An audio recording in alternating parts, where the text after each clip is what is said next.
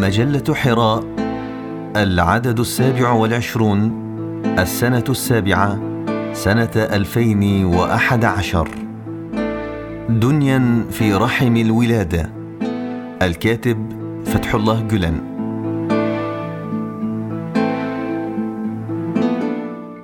يمر العالم الإسلامي في الآونة الأخيرة بأحلك الفترات تأزما على مر التاريخ. من حيث الاعتقاد والأخلاق والمنهج الفكري والمعرفة والصناعة والعادات والتقاليد والأوضاع السياسية والاجتماعية.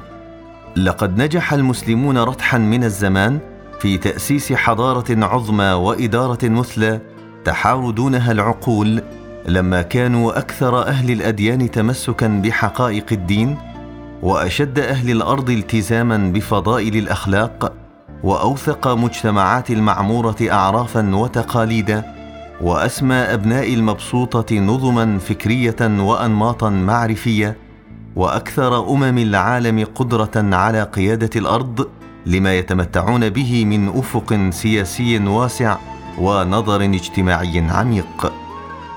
لقد أحيوا دينهم بمثالية عالية لا خلل فيها وسموا بأخلاقهم إلى حد الكمال وتمثلوا برؤية علمية فريدة وتجاوزوا الزمان الذي عاشوا فيه سباقين له متقدمين عليه واعتمدوا على الركائز الثلاث الإلهام والعقل والتجربة مستوعبين لمضامينها مستثمرين لمعانيها. ومن ثم وفقوا إلى أن يوسعوا إدارتهم من جبال بيرينيه إلى المحيط الهندي ومن قزان إلى الصومال ومن بواتيا إلى سد الصين وبينما كانت البشرية تتخبط في أحلك عصور الظلام فقد أتاحوا للشعوب التي عاشت تحت رعايتهم وفي ظلال حمايتهم إمكانية التنعم بحياة كريمة تضاهي تلك الأنظمة المرسومة في المثاليات وجعلوا الدنيا بعدا من أبعاد الجنة.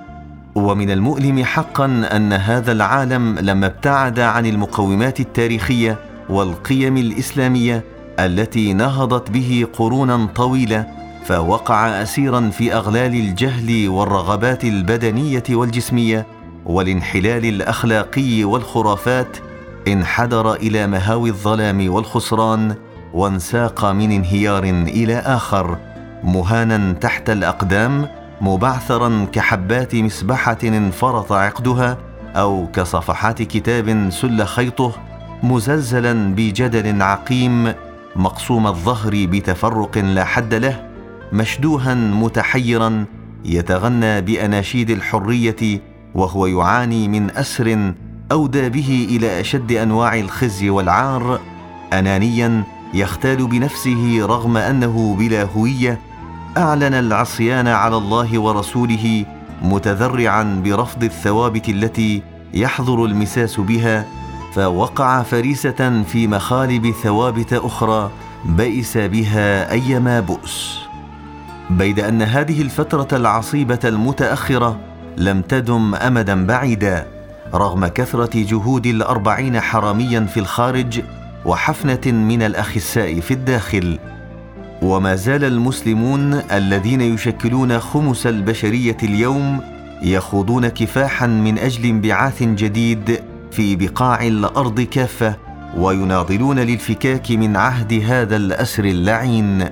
وإنما لاقوه من مصائب واعترضهم من نكبات صباح مساء لا سيما في العقود الأخيرة قد أثمر لديهم طاقة ميتافيزيقية دافعة وفرارا إلى الله وشحذا لعزيمة الكفاح. إن توافق روح الإسلام مع طبع الإنسان ودفعه له نحو الرقي المادي والمعنوي وانفراده بمكانة لا تدرك في الموازنة بين الدنيا والعقبى هذا كله جعلنا حتى في أحلك المراحل ظلمة نتنسم عبق معاني الحق يعلو ولا يعلى عليه ونفتح أعيننا ونغمضها على حقيقة والعاقبة للمتقين. ومن ثم فإننا لم نقع في اليأس والقنوط البتة. وأن ذلك ونحن نشاهد من الآن تسارعا مضطردا في التوجه إلى الإسلام من غالب فئات البشر. ناهيك عن أن الإسلام تصدر مكانة عالية في دائرة واسعة امتدت من أمريكا إلى آسيا ومن الدول الإسكندنافية إلى أستراليا. واليوم يدخل في دين الإسلام في كل أنحاء العالم مئات الآلاف من الناس كل سنة ويلوذون بنور القرآن مع أنهم على يقين بأن مصيرهم إلى الجوع والفقر. ولم تحظى الكنيسة بعشر ما حظي به الإسلام من القبول والاستحسان رغم كثرة الفعاليات المذهلة لمختلف المذاهب النصرانية والمنظمات التنصيرية.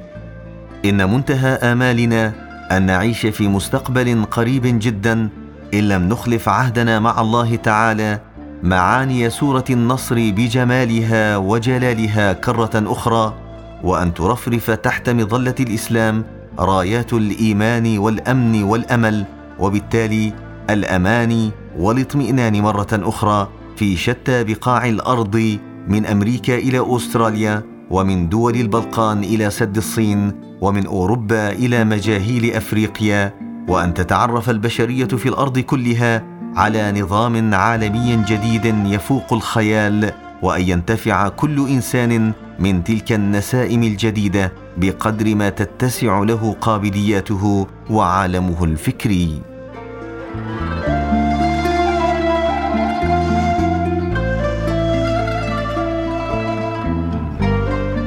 ورثة الأرض.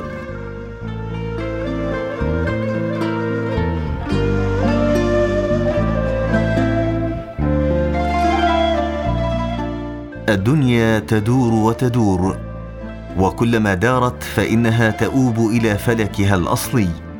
فيا ترى هل ورثة الأرض الحقيقيون جاهزون لاسترداد ميراثهم الذي أضاعوه وسلبه الآخرون؟ إن الحق الموهوب ابتداء شيء والحق الموهوب بسبب التمثل العملي شيء آخر. فالحق إن لم يمثل حسب مقاييس قيمه الذاتية فإنه يمكن أن يسلب من أصحابه في أي لحظة ويسلم إلى قوم آخرين يكونون أجدر ولو نسبيا بتمثيل الخير. وهكذا إلى أن ينشأ الممثلون الحقيقيون للحق.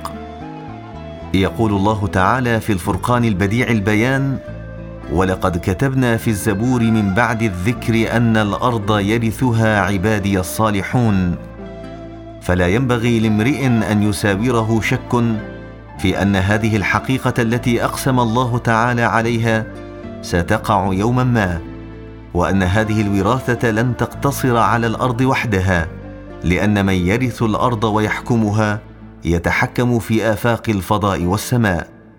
وبعبارة أخرى فإن هذه سلطنة على الكون كله. ولما كانت هذه السلطنة عن طريق النيابة والخلافة كان لابد لها أن تتوافق مع خصال التمثيل التي أوجبها المالك الحقيقي للسماوات والأرض. بل يمكن القول بأن ذلك الحلم إنما يتحقق بقدر حيازة هذه الخصال ومعايشتها. ثمة مرحلة في تاريخنا سادها الضباب والدخان حرم المالك الحقيقي الإرث فيها عمن ادعوا أنهم ورثة الأرض الحقيقيون لأنهم لم يبذلوا الجهد الذي تتطلبه تلك الوراثة السماوية. ومن ثم فإن الخلاص من هذا الحرمان لا يتأتى إلا بالعودة إليه تعالى واللجوء إليه مجددا. إن الله ما وعد وراثة الأرض هذا ولا ذاك بل وعدها الصالحين من عباده الذين هم للروح المحمدية والأخلاق القرآنية يمثلون والذين هم بالوفاق والاتحاد يقومون ويقعدون والذين هم بمقتضيات عصرهم واعون والذين هم بالعلم والفن يتزودون. والذين هم للموازنة بين الدنيا والعقبى متقنون. وخلاصة القول إن الله تعالى قد وعد تلك الوراثة عقبان الروح والمعنى ممن يحلقون في مدار واحد مع ساداتنا الصحابة الكرام نجوم سماء النبوة. إنها سنة إلهية وشريعة فطرية لا تتبدل ولا تتغير فلن تجد لسنة الله تبديلا ولن تجد لسنة الله تحويلا.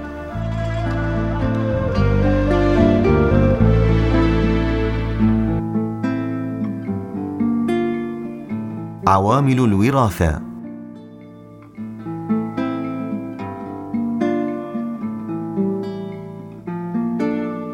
ومن هنا فإن وراثة الأرض مرهونة اولا بالصلاح الذي يتبلور في تمثل الدين على هدي الكتاب والسنة وفي السعي لاتخاذ الإسلام روحا للحياة ثم بوراثة علوم العصر وفنونه. ولا يغيبن عن خلدنا البتة أن المجتمعات والأمم مصيرها إلى الخذلان غدا مهما كانت ظاهرة اليوم ما لم تأخذ بالشريعة الفطرية التي نشهدها في الكون مظهرا لتجليات صفتي القدرة والإرادة ولم ترع مجموعة القوانين الإلهية الصادرة عن صفة الكلام أو كانت عرضة لتغير داخلي في حياتها المعنوية. وكما أن التاريخ مقبرة الأمم البائدة يجهر بهذه الحقيقة مدويا فإن الآية الكريمة ذلك بأن الله لم يك مغيرا نعمة أنعمها على قوم حتى يغيروا ما بأنفسهم تذكرنا بأساس قويم في الظهور والانهيار أو العز والذل وتشير بوضوح إلى قصور هائل لدى المسلمين في هذا العصر. ويتلخص هذا القصور في المسخ الذي أصاب المسلمين في حياتهم الروحية والقلبية من حيث بنيتهم الداخلية وفي التخلف الشاسع عن العصر من حيث بنيتهم الخارجية. وسواء كان هذا المسخ والتخلف ناجما عن الموانع الخارجية المتتالية قرنا بعد قرن أم كان عن جهلنا ونقصنا وضعفنا إلا أن الواقع يشهد بأن أمة الإسلام باتت تنزف الدم في الآونة الأخيرة وأصبحت غير مباليه بمصادر قوتها التي نهضت بها قرونا طويلة. نهضت بها وجعلتها وارثة الأرض حقا. أرجوكم هل يمكن القول بأن الذين ادعوا تمثيل الإسلام في مرحلة بائسة من حياة أمتنا كانوا أرباب حياة قلبية وروحية عميقة على مستوى الأوائل؟ وهل بوسعنا أن نقول أيضا إن المسلمين في تلك المرحلة مثل الصحابة الكرام في عدم انشغالهم بالحياة لأنفسهم وفي تحفزهم من أجل إحياء الآخرين؟ ترى كم وجها مشرقا في تلك المرحلة فضل الموت في عزة على الحياة في ذلة كما في المثل إما الدولة في الأمجاد أو الغربان على الأجساد. وكم روحا نورانية لم تخضع لضغوط أعدائنا البتة واستقامت في حياتها فما حادت ابدا عن النهج القويم. وإن التخلف الإداري وقصور الإداريين لا يكلم الفؤاد. خاصة في تلك المرحلة البائسة لا سيما أننا عجزنا عن إنقاذ أنفسنا من الرزوح تحت الوصاية بينما حرم القرآن الكريم علينا الحياة تحت وطأتها. أو ننكر أننا نتذلل على أعتاب الظالمين الذين يسحقوننا تحت نير سيطرتهم منذ سنين وسنين؟ وهل بوسعنا أن ندعي أننا استجبنا كما يليق بورثة الأرض لما أمرنا به ديننا من استعداد تام وتأهب حذر في مواجهة ألد أعداء أوطاننا وتصوراتنا ورؤانا. واذكروا قسم الله تعالى بالخيل ووسائل الكفاح في القرآن الكريم. وكذا أمره سبحانه بإعداد كل أنواع الأجهزة والعتاد. الدين والدنيا.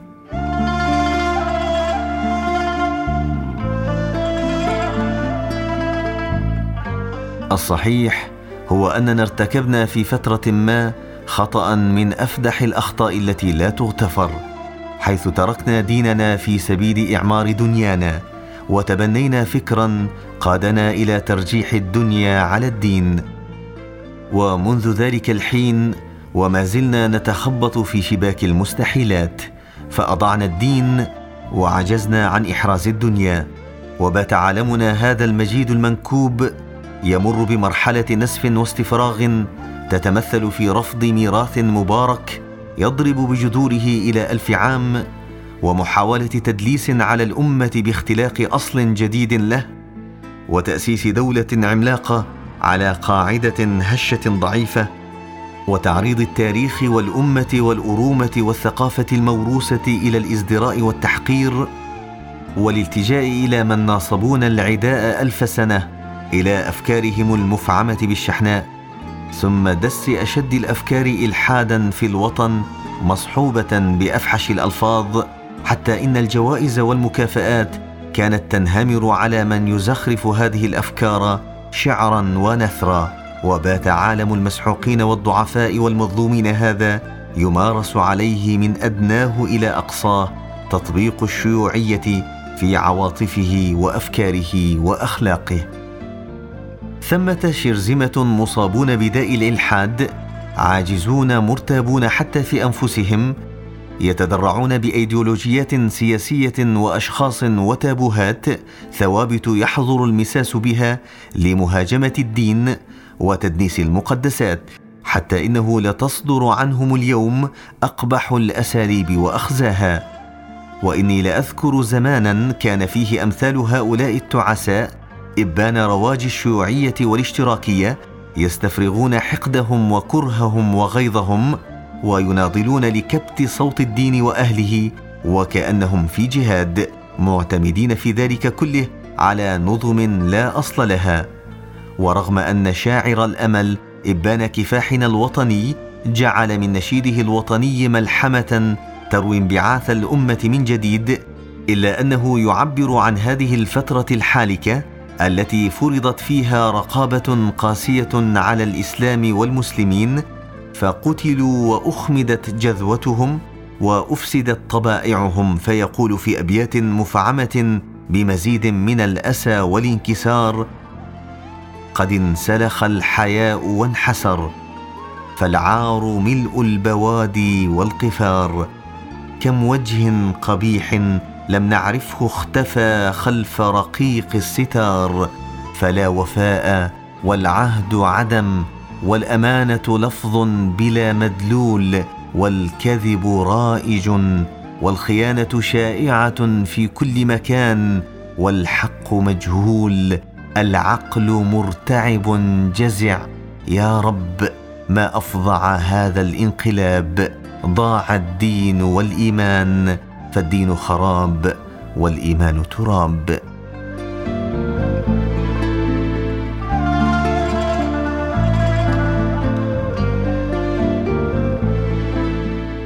وأود أن أنوه هنا إلى أن هذه الأمة الأصيلة قد عجزت عن قمعها بالكلية شتى أنواع الضغوط القهرية الإلحادية المزاجية التي تعرضت لها طوال هذه السنوات. ولم تطفئ ابدا شعلة أفكارها ذات البعد الأزلي والأبدي. فهذه الأفكار كانت أحيانا جمرة تحت الرماد واحيانا شرارة تشتعل نارا بحركة طفيفة ومصدرا للنور كافيا لإضاءة الدنيا أحيانا أخرى. لكنها بقوة الجذب المركزي الناجمة عن الحيطة والحذر والتروي اختزلت وتقلصت بقدر ما تتسع لها نواه فاستطاعت أن تجتاز أحلك أيام الدهر لتصل إلى مرحلة تقدر فيها على أداء مهمتها وهي على أهبة الاستعداد لتغمر الأرض كلها بأنوارها حينما يحين أوانها. بيد أن ذلك منوط بأن نستخلص العبرة من سنوات البؤس الطويلة إكراما للمعاناة المؤلمة التي تجرعناها والجهود المضنية التي بذلناها. فلنبادر مرة أخرى لكي نثبت أننا ورثه الأرض الحقيقيون بفهمنا للإسلام حقا. ذلك النبع الكافي لتحقيق انبعاثنا المادي وانبعاثنا الروحي وبانخراطنا في جموع عباد الله الصالحين. هؤلاء الأبطال المشبوبون عاطفة المسددون فكرا. المرهفون حسا المستنيرون شعورا الأقوياء إرادة. هؤلاء المتشبعون بفكرة إعلاء كلمة الله المتحفزون لها دوما المنظمون لحياتهم العلمية بمنهاجية فريدة الموفقون إلى مزاوجة العقل والقلب الأمناء في أعمالهم الثقات في سلوكهم المستقرون في شخصياتهم بحيث لا يندحرون أمام نوازعهم النفسية أبدا. فعلينا أن نواصل السير قدما في هذا الاتجاه المفقود والخط المضيع تحت عناية الله ورعايته.